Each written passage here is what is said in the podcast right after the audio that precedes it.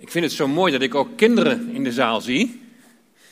Dat die ook naar deze dienst zijn gekomen. Ik vroeg me vanmorgen even af, waar, waarom ben ik eigenlijk oudste van dienst? Meestal is dat een van de oudsten. Maar oorspronkelijk was dit een kerkschool gezinsdienst op deze datum. Vandaar. En dan open ik meestal. Maar er zijn kinderen en dat is prachtig om, mooi om te zien. We hebben een mooi lied gezongen. De dorre woestijn zal gaan bloeien als een roos. Nou, daar staat zal gaan. Nou, dat gebeurt nu al. Die woestijn wordt nu al tot bloei gebracht. We hebben daar prachtig mooie dingen in die woestijn mogen zien.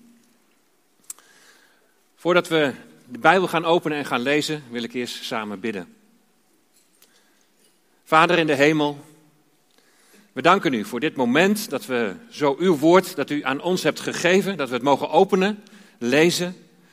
En we willen bidden om de leiding van uw Heilige Geest bij de uitleg, maar ook bij het verstaan van uw woord. Wilt u daarin tot uw doel komen met een ieder van ons? U weet wat we nodig hebben. Laat het ook zijn tot opbouw van uw gemeente. Dat we mogen verstaan en beseffen in welke tijd we leven, maar ook wat er nog gaat komen. Dat we een geweldig vooruitzicht hebben. Heer, we danken en loven en prijzen u daarvoor in Jezus' naam. Amen. We pakken na Goede Vrijdag, Pasen en de doopdienst de draad weer op in het Bijbelboek Handelingen. Zoals de meesten van jullie weten ben ik bezig met een serie over het Bijbelboek Handelingen. En met het doel om stil te staan bij hoe die gemeente van Jezus Christus, hoe die gemeente zich daar ontwikkelt. Wat kunnen we daarvan leren? Juist in een tijd dat de manier van samenkomen zo anders is dan voorheen. Hoe kun je ondanks beperkingen tegen de stroom in, dat is ook het thema van deze overdenking, hoe kun je nou tegen de stroom in toch volop gemeente zijn met elkaar? Vlak na Pinksteren zie je daar een geloofsgemeenschap ontstaan die tegen de stroom in toch volop gemeente zijn met elkaar. Ondanks dat er vervolging was. In Handelingen 2, vers 42, daar staat: En zij volharden in de leer van de apostelen en in de gemeenschap, in het breken van het brood en in de gebeden. Doen we dat dan af met, ja, dat was toen en dat was toch wel een hele andere tijd? Of gaan we de uitdaging aan om onszelf als gemeente daaraan te spiegelen? De vorige keer, toen heb ik gelezen over Herodes, die eigenlijk eh, Agrippa heet, Agrippa de Eerste. In het begin van Handelingen 12. Hoe hij op jonge leeftijd zijn vader verloor. Hoe hij Juda verliet en in Rome werd opgevoed. vanaf zijn vierde jaar. Zijn financiële fiasco's. Dan de terugkeer naar Juda met zelfmoordgedachten. Gekleineerd door Antipas. Door steekpenningen aan te nemen komt hij een aantal maanden in de gevangenis. En dan ineens een voornaam man. Een voornaam man met de titel koning. Zijn oude vriendjes hadden toch nog iets moois voor hem in gedachten. Nou, wat Handelingen 12 betreft ga ik even een klein stukje overslaan. De gevangenschap van Petrus en zijn bevrijding. En de gemeente die bidt. En dat doe ik omdat onlangs Joop Strietman daar al bij stil heeft gestaan. Dan volgt nu van Handelingen 12 nog de versen 20 tot en met 25. Eerlijk gezegd had ik de neiging om die over te slaan. Want het praktische gemeente zijn komt daar nou niet echt aan de orde. Het is meer een stukje geschiedschrijving. Hoe die koning Herodes, hoe die Agrippa, hoe die op een gruwelijke manier aan zijn einde komt. Maar toch heb ik in dit Bijbelgedeelte, toen ik er wel mee bezig ging, patronen ontdekt die heel toepasbaar zijn op de tijd waarin wij nu leven en de tijd die nog komen gaat. Dus we gaan samen lezen Handelingen 12 vanaf vers 20. En daar lezen we het volgende. En Herodes koesterde bittere vijandschap tegen de Syriërs en Sidoniërs. Maar ze kwamen eensgezind naar hem toe en na Blastus, de kamerheer van de koning, overtuigd te hebben, vroegen zij om vrede, omdat hun land gevoed werd door de koning. door dat van de koning. En op een vastgestelde dag trok Herodes een koninklijk kleed aan en hield op de rechterstoel gezeten een toespraak tot hen. En het volk riep uit: een stem van God en niet van een mens.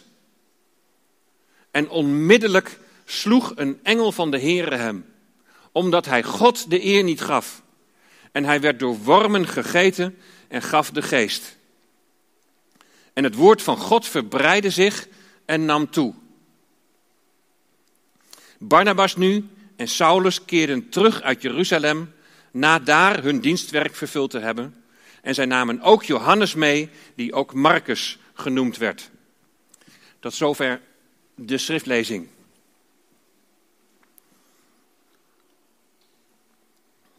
Wat we gaan doen is het volgende. Ten eerste gaan we eens kijken van wat hier nu feitelijk gebeurt. Ten tweede gaan we tegelijkertijd al kijken wat voor bijzondere patronen we zien. Patronen die deze geschiedenis zo actueel maakt. Voor de tijd waarin we nu leven. En wat het betekent voor de nabije toekomst. Ten derde, als je die patronen herkent en het je bewust maakt van de tijd waarin wij nu leven en wat nog gaat komen, wat betekent dat dan voor jouw leven in het hier en nu? Nou, wat is er precies aan de hand in Handelingen 12 vanaf vers 20? Wat is de feitelijke situatie?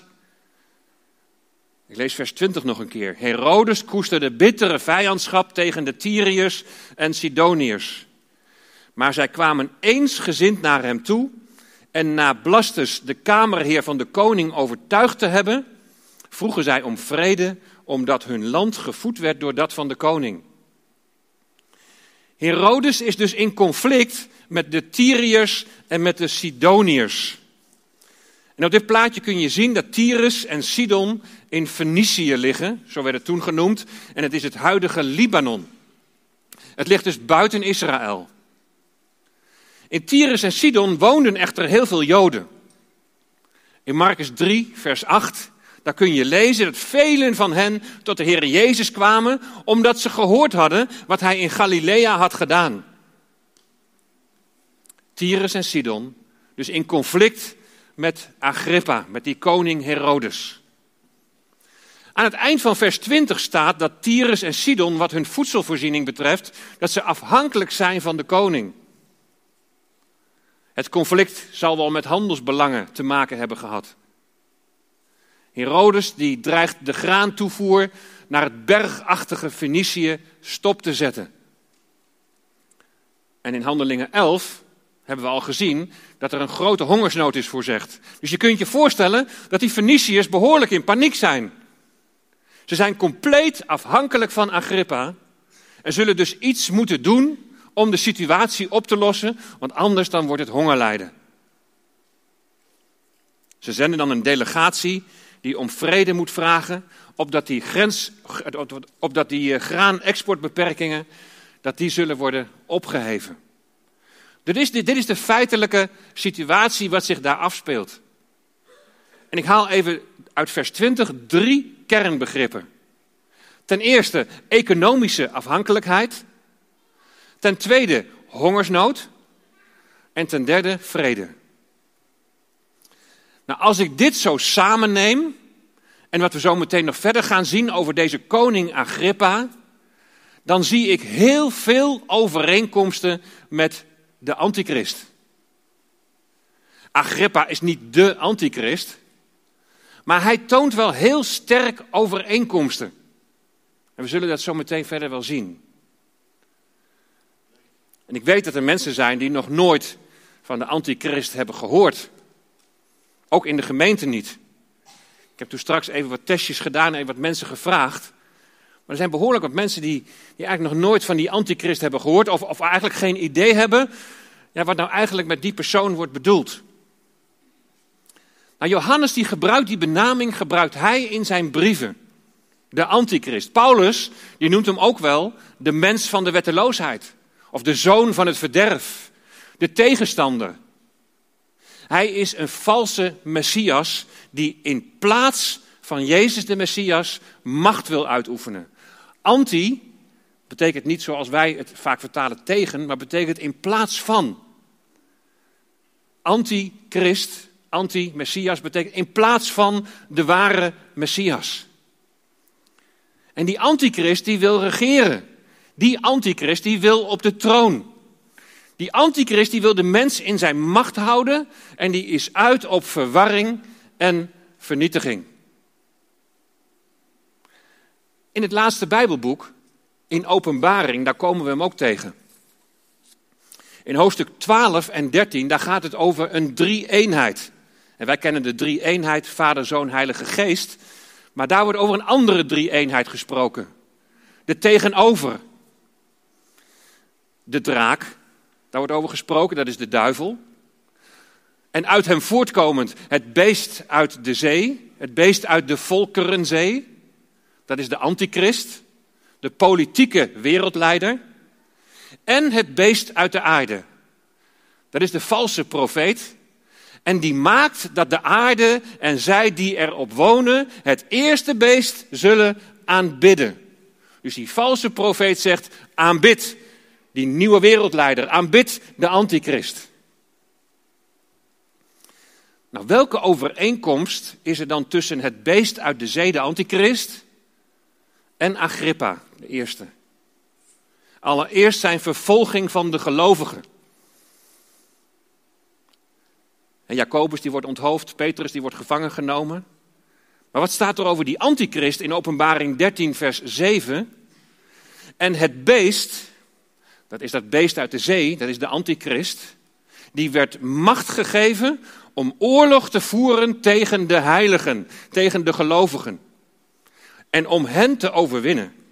En hem werd macht gegeven over elke stam, taal en volk. Hij krijgt dus macht over de gehele wereld.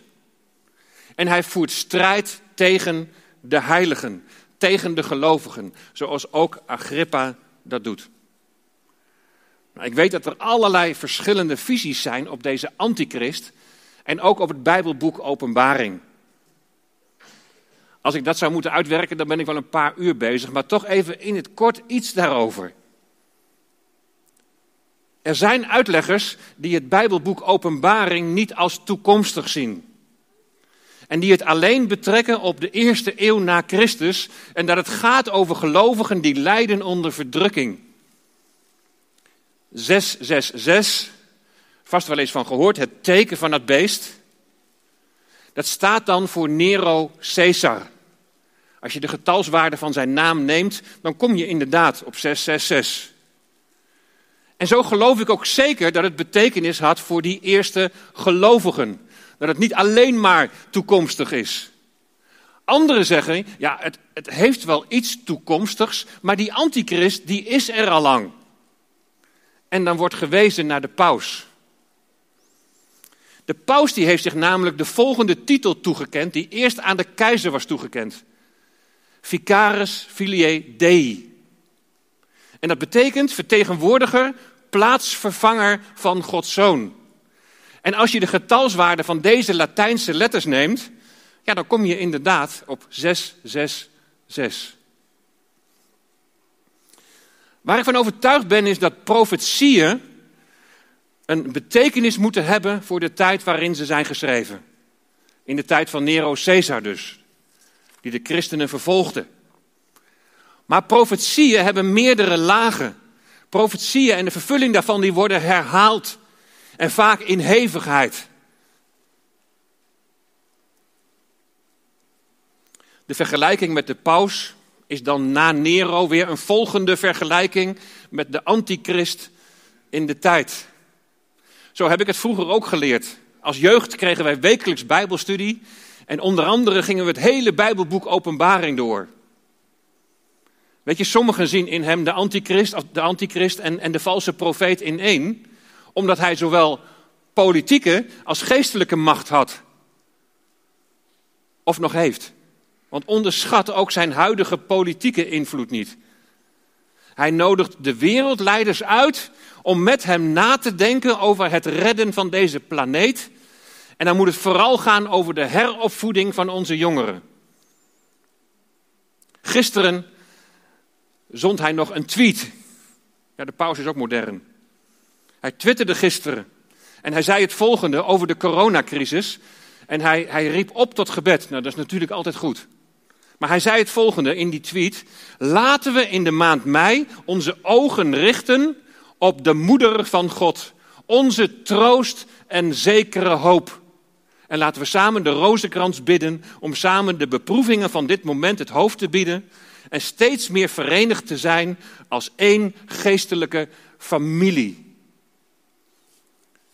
Wie is de middelaar tussen God en mensen? Hier wordt Jezus Christus niet genoemd, maar de moeder van God, Maria. Wat deze visie over de paus betreft, zijn er uitleggers die, die niet geloven in een nog komende verdrukking. En die ook niet meer geloven in een toekomstige wereldleider, want voor hen is het dan de paus. Nou, als je daarin meegaat, als je die uitleg wilt volgen, dan moet je heel veel in de profetieën moet je niet letterlijk nemen. Dan moet je heel veel figuurlijk nemen. Nou, ik neem het zoveel mogelijk letterlijk, tenzij de Bijbel aangeeft en duidelijk maakt dat je het figuurlijk moet nemen. En dan zie ik even, los van wie, wie nou die antichrist zal zijn, zie ik wel een, een toekomstige verdrukking en ook een toekomstige wereldleider die tijdens die periode een hele grote en bepalende rol zal gaan spelen. En weet je, van die, al die verschillende visies word ik niet zo zenuwachtig. Ik vind het mooi om ze gewoon naast elkaar te leggen en altijd met een open blik daarnaar te kijken. En het ook samen met anderen zo te doen. En, en weet je wie je dan moet duiden als de antichrist? Ik weet het niet. Maar dat verandert ook helemaal niets aan mijn heil en mijn verlossing in de Heer Jezus Christus. Maar is het dan alleen maar een studie waard om je daar eens in te verdiepen zonder dat het eigenlijk enige waarde heeft? Nou, dat ook weer niet. De Bijbel leert ons dat we moeten letten op de tekenen van de tijd. We moeten de tijd onderkennen waarin wij leven. He, onderken wat antichristelijk is. Ontmasker de duisternis. Allereerst van binnenuit. En binnenuit, daarmee bedoel ik in de gemeente van Jezus Christus. Want zij die de valse leer verkondigen dat Jezus niet in het vlees is gekomen, die worden in de Johannesbrief, die worden antichristen genoemd. Ze waren bij ons in de gemeente, zegt Johannes, maar ze waren niet uit ons. Ze verkondigden een valse leer, want als je Jezus niet in het vlees verkondigt, dan heeft zijn sterven aan het kruis geen enkele waarde meer. Er zijn dus al antichristen in die zin dat het mensen zijn die dwalen wat de persoon van de Heer Jezus Christus betreft. Die vijanden zijn van het kruis. Maar ook van buitenaf zullen er invloeden zijn die we moeten leren onderkennen. Wat de antichrist betreft, geloof ik dus dat het gaat om een toekomstige wereldleider die zich zal presenteren als de zogenaamde Messias. Hij zal een valse Messias zijn in plaats van de Heer Jezus. Ja, ik geloof dat Openbaring 13 betekenis heeft gehad voor de eerste lezers. De gelovigen die werden vervolgd in het Romeinse Rijk. Ja, ik geloof dat het betekenis heeft gehad in de loop van de wereldgeschiedenis. We hebben heersers gezien in de hele wereldgeschiedenis die heel veel overeenkomsten vertoonden met deze antichrist. Maar ik geloof ook dat de antichrist betrekking heeft op de toekomst. Waarbij ik voor nu gewoon even loslaat om wie het dan zou gaan. Waar ook verschillend over wordt gedacht, is wanneer die drie eenheid zich openbaart en waar wij dan zullen zijn als gelovigen. Ja, maar de heiligen, de gelovigen worden toch vervolgd, hebben we net gelezen in Openbaring 13, vers 7. Dan zijn we er toch bij als we dan nog leven? Maar ik denk het niet. Volgens mij zijn de gelovigen dan al bij de Heer. En gaat het dan om mensen die tijdens die nog komende grote verdrukking, die over deze hele wereld zal komen, die op dat moment nog tot geloof komen? En velen zullen in die periode sterven als martelaren. We lezen dat in Openbaring 20, vers 4. En ik zag de zielen van hen die onthoofd waren om het getuigenis van Jezus en om het woord van God. En die het beest en zijn beeld niet hadden aanbeden en die het merkteken niet ontvangen hadden op hun voorhoofd of op hun hand. Agrippa heeft Jacobus onthoofd. Maar we zien hier nog een ander punt van vergelijk, namelijk die economische afhankelijkheid. We zien in Openbaring 20, vers 4 dat je een merkteken moet dragen op je rechterhand of op je voorhoofd, omdat je anders niet kunt kopen of verkopen. Er zal dus in de toekomst een economische afhankelijkheid ontstaan, zoals Tyrus en Sidon afhankelijk zijn, ook economisch, wat hun voedsel betreft, van koning Agrippa. Nou, welke invloed van buitenaf die invloed zal hebben op ons, wat moeten we daar nou in herkennen? Een belangrijk teken van de eindtijd vind ik op dit moment de economische ontwikkelingen. De toenemende afhankelijkheid van mensen en concentratie van macht. Ik geloof niet dat wij het merkteken zullen meemaken. Omdat ik geloof dat wij als gelovigen niet door die grote verdrukking gaan. Weet je, daar mag je anders over denken. Ons heil, zei ik al, en onze verlossing hangt er gelukkig niet vanaf van die juiste visie daarop. Maar een voorganger die zei laatst in een voorgangersoverleg, en het was een voorganger die ik nou niet echt ken als iemand die heel veel over de eindtijd spreekt of daar nou heel overdreven mee bezig is. Maar die zei van, als ik zo om me heen kijk, dan lijkt het wel de generale repetitie. En dat geloof ik ook zo. We zullen steeds meer merken dat het wel die kant opgaat van het merkteken van het beest. Van die economische afhankelijkheid en die concentratie van macht. Allerlei wereldleiders, Biden, Amerika, Trudeau, Canada, Johnson, Engeland, Macron, Frankrijk, Rutte, Nederland, die gebruiken allemaal de term op dit moment van build back better. En ze hebben daarbij een hele transformatie, een gigantische verandering voor ogen van onze economie, van onze samenleving en van de politiek. En dat betekent dat er veel meer op internationaal niveau zal worden beslist. En dat er veel meer macht over ons leven zal worden uitgeoefend. Economische afhankelijkheid en concentratie van macht zal gaandeweg steeds meer toenemen. Weet je, landen die pompen op dit moment miljarden in de economie. Economen die kunnen niet meer overzien van wat hier nou de gevolgen van zijn. Het is allemaal lucht. En wat gebeurt er als er in de ballon wordt geprikt? Klaus Schwab, ik weet niet of je wel eens van hem hebt gehoord, van het World Economic Forum, die grote invloed heeft op mensen die invloed hebben, invloedrijke mensen, wereldleiders die beweert dat wij in 2030 geen bezit meer zullen hebben en dat iedereen gelukkig zal zijn. Ik zie mensen al denken, is onze voorganger nou zo'n wappie geworden? Weet je, deze informatie, die wist ik al wel, maar die hoorde ik bij RTL Z. Van een econoom, een niet-gelovige man, die eigenlijk profetisch sprak. En die al deze dingen zo even op een rijtje zetten van waar gaat dit naartoe? En die dingen die ik daar benoem, die komen daar gewoon uit voort. Het is allemaal onderdeel van die grote omwenteling die moet gaan plaatsvinden om dan zogenaamd onze planeet te redden. En ze noemen dat de Great Reset. Weet je, en en dat zei ook die econoom. Hij zei, de huidige pandemie, die komt als een geschenk uit de hemel om dat allemaal te verwezenlijken. De Great Reset bevat ook aandacht voor gendergelijkheid. Gelijkheid van man en vrouw. Nou, daar is op zich natuurlijk helemaal niks mis mee. Maar meer en meer worden we geconfronteerd met een genderideologie die zo ver gaat dat geslacht nergens meer mag worden genoemd. Ik mag niet meer zeggen dat we opa en oma zijn geworden van een kleinzoon. Nee, dat is een klein kind.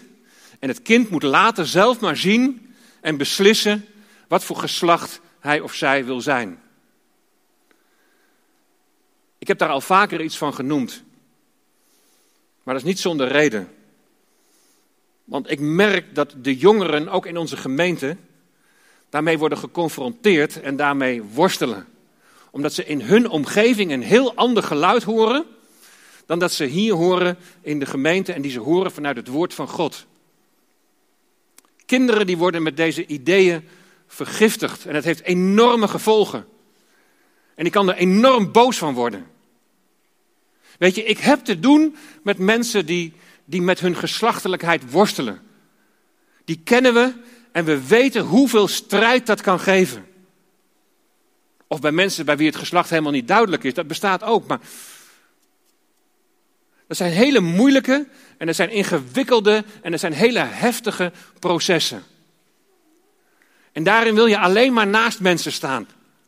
Maar waar we rekening mee moeten houden, is dat onze basisopvattingen over huwelijk, man, vrouw, voortplanting, dat dat allemaal onder druk komt te staan. Dat gebeurt nu al. Maar het zal meer en meer gevolgen gaan hebben als je daar openlijk over spreekt.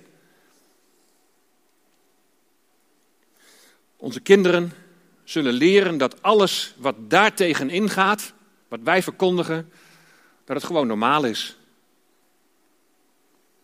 En wat doen Tyrus en Sidon als ze onder druk komen te staan? Ze kunnen niet anders.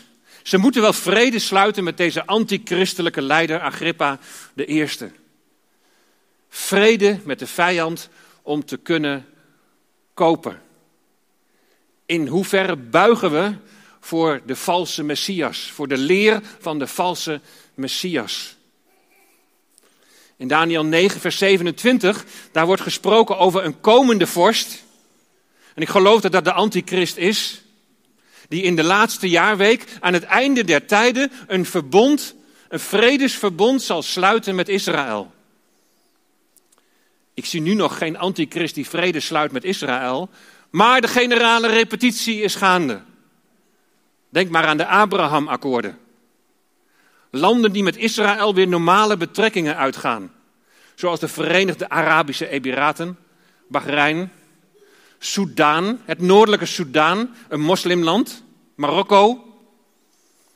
En vaak ook daar zien we weer dat economische motieven een rol spelen. Is dat werkelijk zo positief? In 1 Thessalonicense 5 wordt gesproken over vrede en veiligheid. Vrede, vrede, geen gevaar. Maar dan komt er ineens een plotseling verderf. Alles lijkt in een bepaalde richting te worden gemasseerd. Totdat de antichrist zal gaan regeren. En ook in dat opzicht zie ik overeenkomst met Agrippa de Eerste. Op een vastgestelde dag trok Herodes een koninklijk kleed aan. En hield op de rechterstoel gezeten, op de bema gezeten, hield hij een toespraak tot hen. En het volk riep uit een stem van God en niet van een mens. De Romeins-Joodse geschiedschrijver Flavius Josephus, die leefde van plusminus 37 tot 100 na Christus. Dus die leefde dicht bij de bron. Die heeft ook over deze gebeurtenis heeft hij geschreven. En dan schrijft hij, er was een feest ter ere van Caesar, wat gevierd werd voor het welzijn van Agrippa. En op de tweede dag van de voorstellingen, het was een feest, trok Agrippa een gewaad aan van door en door zilver. Van een wonderlijke weefkunst. En het zilver glinsterde en schitterde wonderbaarlijk toen de eerste zonnestralen erop vielen.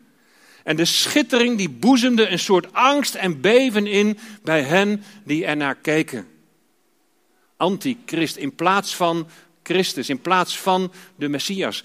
Kijk maar eens voor jezelf in Openbaring 1 hoe daar de Heer Jezus op een glorieuze manier wordt beschreven, op een indrukwekkende wijze. En Johannes, die als dood voor zijn voeten neervalt. Op dezelfde wijze zal de antichrist zich presenteren. Ook over de antichrist, die ook wel de tegenstander wordt genoemd, kun je lezen in 2 Thessalonicense 2 vers 4. De tegenstander die zich ook verheft boven al wat God genoemd wordt. Of als God vereerd wordt. Zodat hij als God in de tempel van God gaat zitten en zich als God voordoet. Net als Agrippa op de troon. Op de rechterstoel zelfs, de Bema. En het vonnis wordt uitgesproken. En dan zien we de tegenstelling. Op de rechterstoel van Christus, daar zal Christus voor de gelovigen de overwinning uitspreken. Maar de antichrist zal de mens aan zichzelf onderwerpen en trekt hem mee in de poel van verderf. Ook in het Oude Testament wordt al over hem geschreven, Bijbelboek Daniel. Daniel 11, vers 36. Die koning die zal handelen naar eigen goeddunken. Hij zal zich verheffen en zich groot maken boven elke god. Hij zal tegen de God der goden zal die wonderlijke dingen spreken. Hij zal voorspoedig zijn tot de gramschap voltrokken is. Want wat vast besloten is, zal gebeuren. En het einde van Agrippa de eerste en de antichrist is ook vergelijkbaar. Wat is het einde van Agrippa? En onmiddellijk sloeg een engel van de Heere hem, omdat hij God de eer niet gaf. En hij werd door wormen gegeten en gaf de geest. En dit was tijdens het zevende jaar van zijn regering. Wat is het einde van de antichrist? Openbaring 19, vers 20. En het beest werd gegrepen, de antichrist. En met hem de valse profeet, die in zijn tegenwoordigheid de tekenen gedaan had waardoor hij hen misleid had en die zijn beeld aanbeden hadden. Deze twee werden levend geworpen in de poel van vuur die van zwavel brandt. Aan het einde van de zeven jaar van verdrukking. De gemeente van Jezus Christus, van Jezus de Messias, had in de begintijd met vervolging te maken, onder andere door Agrippa de Eerste. Een man die overeenkomsten vertoont met de antichrist. Lieve mensen, we leven in een, in een snel veranderende wereld. En wat we als gelovigen wel of niet zullen meemaken, is heel lastig te bepalen. Hoe het ook zij, de veranderende visie op het leven, op relaties, op de economie, op geloof in God, zal verdrukking met zich meebrengen. Mensen zeggen nog wel eens tegen mij van als je gelooft dat de gemeente voor de verdrukking wordt opgenomen, ja, dan, dan bereid je de gemeente niet goed voor op wat er nog gaat komen. Nou, ik geloof zonder die grote verdrukking en die verdrukking, dat er ook in deze tijd verdrukking zal zijn. En dat het voor ons als gelovigen zeker niet makkelijker zal worden. En dat we ons daar zeker op voor moeten bereiden. En dan komt de laatste vraag, het laatste waar we naar kijken. Als je nou dit nou allemaal herkent en je verwacht de komst van de Heer Jezus spoedig, wat betekent het dan voor jou in jouw leven hier en nu? Als je beseft dat jouw leven als gelovige in toenemende mate tegen de stroom in zal zijn, wat betekent dat dan voor jouw leven hier en nu? Wat gebeurde er ten tijde van de gelovigen die met Agrippa de eerste te maken hadden? die te maken te hadden met een antichristelijke heerser. Nou weet je, het volgende moet je vasthouden. God grijpt in. Hij is altijd sterker en zijn werk gaat door. Dat is wat ik lees hier. En zo zal het ook zijn. In Handelingen 12, vers 24 staat: En het woord van God verbreidde zich en nam toe. Tegen de stroom in. Wat doet deze tijd met je? van die gemeente zo vlak na Pinksteren kunnen we leren dat ze tegen de stroom in, dat ze groeien in hun persoonlijk geloof en dat ze ook in aantal toenemen. En dan, vers 25, Barnabas nu en Saulus keerden terug uit Jeruzalem, na daar hun dienstwerk vervuld te hebben. En ze namen ook Johannes mee, die ook Marcus genoemd werd. Barnabas en Saulus zijn in Jeruzalem geweest om de financiële ondersteuning te brengen aan de arme gelovigen in Judea, die ook met hongersnood te maken hadden. Op de terugweg nemen ze Johannes Marcus mee naar Antiochië, weer naar het noorden. Hij moet voorbereid worden op zijn taak als verkondiger van het evangelie. Ja, tegen de stroom in gaat het werk door. God rekent wel af met Agrippa de Eerste. Hij zal afrekenen met de antichrist. Daar hoeven wij ons geen zorgen over te maken. Laten wij ons richten op vandaag, op ons geestelijk leven nu. Als er verdrukking komt, is het des te meer belangrijk om heel dicht bij de Heer te leven. Het is des te meer van belang om aan Hem gehoorzaam te zijn. En ik bid jullie toe dat juist deze tijd een tijd mag zijn dat je komt tot verdieping van je geloofsleven, verdieping in je relatie met de Heer Jezus. En dat je net als Paulus en Barnabas barmhartigheid zult bewijzen aan mensen in nood. Laat zien wie op de troon zit van jouw leven. Ik wil de ouders oproepen. Misschien heb je jonge kinderen, tieners. Het is zo belangrijk om bezig te zijn met het woord van God. En te laten zien hoe God de dingen bedoeld heeft. Wat zijn wil is, wat zijn weg is. Neem samen tijd van, van gebed. Want als je daar niet in gaat groeien en dat niet serieus neemt, dan hou ik voor de komende tijd mijn hart vast.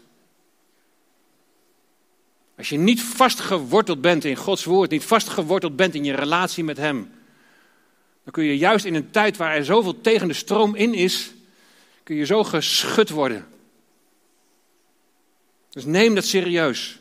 Tegen de stroom in, met alle gevolgen die dat met zich mee kan brengen, de Heere God blijven aanbidden en dienen. Door te luisteren naar en te doen wat Hij zegt.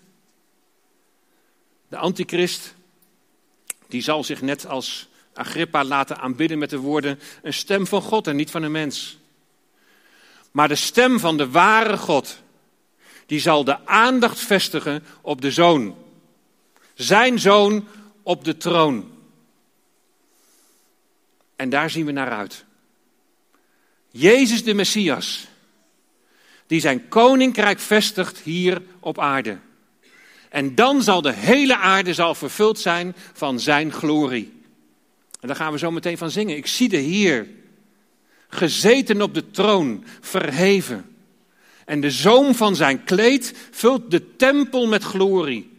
Heel de aarde is vervuld met zijn glorie. Daar gaat het naartoe. Heilig, heilig, heilig. Ja, heilig is de Heer. Amen. Laten we samen bidden. Trouwe God, Hemelse Vader, we danken u voor uw woord.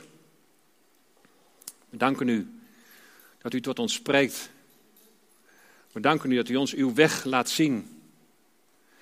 En Heer, we kunnen alle details niet weten. En soms verschillen we daarin ook van mening.